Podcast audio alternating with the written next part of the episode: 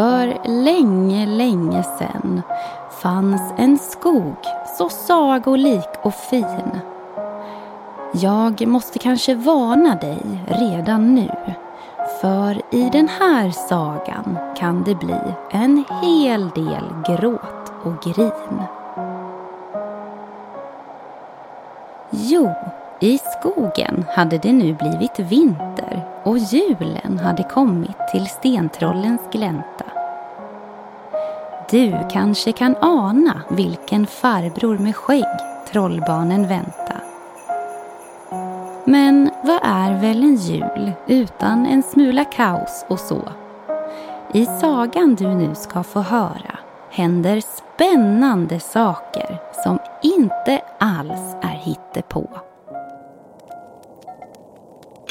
Julen hade äntligen kommit till stentrollens grotta. Pappa stod i köket och bakade lussekatter och pepparkakor medan mamma hade fullt sjå med att skotta. Den här vintern hade det kommit massvis med snö. Vilken tur att mamma var så stark och energisk. Ja, hon var då allt annat än slö.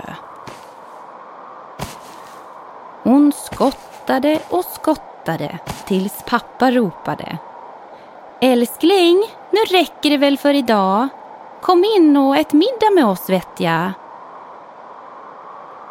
Mamma Troll skulle bara ta ett skottag till när något i ryggen gjorde så ont att hon inte kunde göra annat än att stå helt still. Hon ropade Hjälp! Hjälp! Så att det högt i skogen ekade. Pappa kom utspringandes i förkläde och med mjöl på kinderna och där ute fick han se mamma som stod helt still och på ryggen hon pekade. Ni förstår, mamma Troll hade visst skottat lite för mycket och mer snö än vad ryggen orkat med.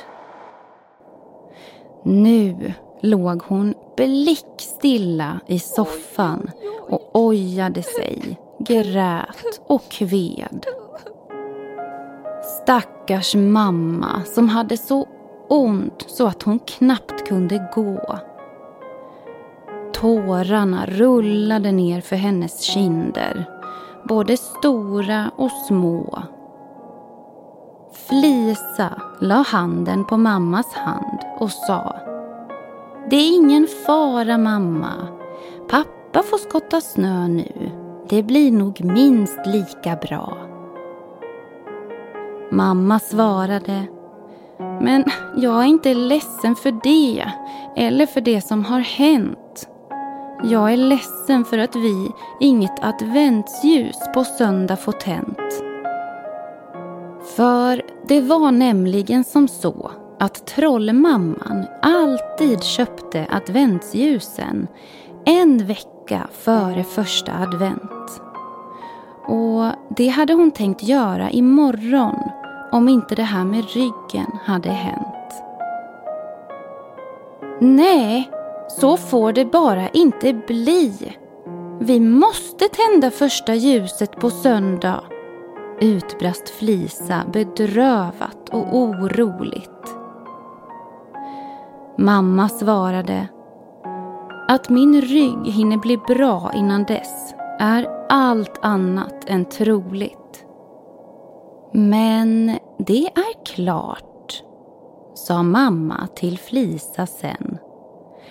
Du är ju stark och modig, lilla vän. Kanske du vill gå till affären detta år? Men du måste lova mig att du går raka vägen dit och hem och du får absolut inte ta något sidospår. Sten, som hade stått och lyssnat, ville såklart också följa med. Snälla mamma, sa han. Då får ju du samtidigt ta det lugnt på soffan och vara i fred. Men mamma hade andra planer för lillebror. Han skulle nämligen hjälpa pappa i köket där han nu var i full färd med att baka kanelskorpor. Flisa var stolt över att hon var så stor att hon fick gå ensam och lovade att göra precis som mamma hade sagt. Hon fick pengar till ljusen, tog på sig mössa och vantar och sen bar det av i rask takt. Hon pulsade genom skogen i den djupaste snö. Hon fångade snöflingor med tungan och njöt av en gnistrande vit och vacker vintermiljö. Hon följde hela tiden den stora stigen. Trädens kronor hängde tungt av snö och stigen var riktigt mysig, sannerligen. När hon gått i en timme fick hon syn på butiken vid slutet av stigen. Den var byggd i timmer, upplyst av marschaller och var riktigt gedigen. Hon öppnade dörren som var väldigt stor, tung och trög. Väl inne möttes hon av en väldigt liten man som satt bakom kassadisken. Han var väldigt gullig och som sagt inte alls särskilt hög. Hon talade om för honom vad hon skulle ha. Inga problem, sa han. Det fixar jag. Trots att han var väldigt liten sprang han väldigt snabbt och vips var han tillbaka med tändstickor och ljus. Ja, allt sammans. Sen sa han Nu hade du tur. De här ljusen var de sista som fanns. Flisa betalade och lämnade butiken så nöjd över att hon klarat allt så bra. Men hon kom inte långt förrän stigen delade sig och nu visste hon inte vilken väg hon skulle ta. Hon försökte minnas hur hon hade gått. Stigen till vänster kändes bekant men nu var det bråttom. Snart skulle solen gå ner och då blev det svårt att se något. Vänster stig fick det helt enkelt bli.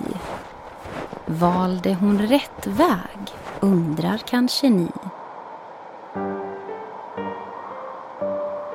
Det visade sig snart att Flisa hamnat på villovägar. Nu hade klockan hunnit bli mycket och tiden var nu riktigt dyrbar. Hon vände tillbaka men nu såg hon knappt något alls eftersom mörkret krupit sig på. Förtvivlat föll hon ner på knä, gömde ansiktet i sina händer och snyftade. Åh, jag vet inte alls var jag ska gå. Men då hörde hon något som rörde sig bakom hennes rygg. Hon vågade inte vända sig om. Hon hade aldrig någonsin känt sig så otrygg. Något kom närmare och närmare och Flisa var nu så rädd så att hon skakade i sina ben. Men så kände hon en välbekant hand på hennes axel och någon som sa Flisa, det är jag, Sten. Ni kan tro att Flisa blev överlycklig när hon fick syn på sin bror. Åh, utbrast hon. Jag knappt mina ögon tror. Sten tog tag i Flisas händer och sa Säg inget till mamma, men jag följde efter dig hela vägen, jag. Flisa log. Och glad för det är jag, må du tro. Men nu måste vi hitta vägen hem. Mamma är säkert helt utom sig av oro. Men nu hade solen gått ner och Sten undrade vad de skulle göra nu när de inget alls såg i mörkret. Flisa såg då påhittig ut. Sen sa hon jag tror jag vet ett sätt. Hon tog fram ett av ljusen och kände sedan efter i sin bakficka. Där låg tändsticksasken och Flisa tog då fram en tändsticka. Sen tände hon ljuset och lyste upp vägen framför dem. Flisa fick då syn på den andra stigen och såg sina gamla fotspår. Hon tog tag i Stens hand och ropade Det här är rätta vägen! Kom! De följde fotspåren och stigen lystes upp av ljuset som brann. Det gnistrade så vackert om snön. Flisa kramade Stens hand och sa jag är så glad att du följde efter mig och att vi har varann. Snart var de hemma med tre och ett halvt adventsljus i varma grottan igen. Mamma hade somnat på soffan och pappa, han stökade i köket än. Ingen av dem verkade veta att Sten inte varit hemma. Så jag tänker att du och jag kanske bara ska ta och bestämma. Att vi helt enkelt inte säger något till varken trollfar eller trollmor för den här gången gick det ju faktiskt bra för Flisa och hennes lillebror.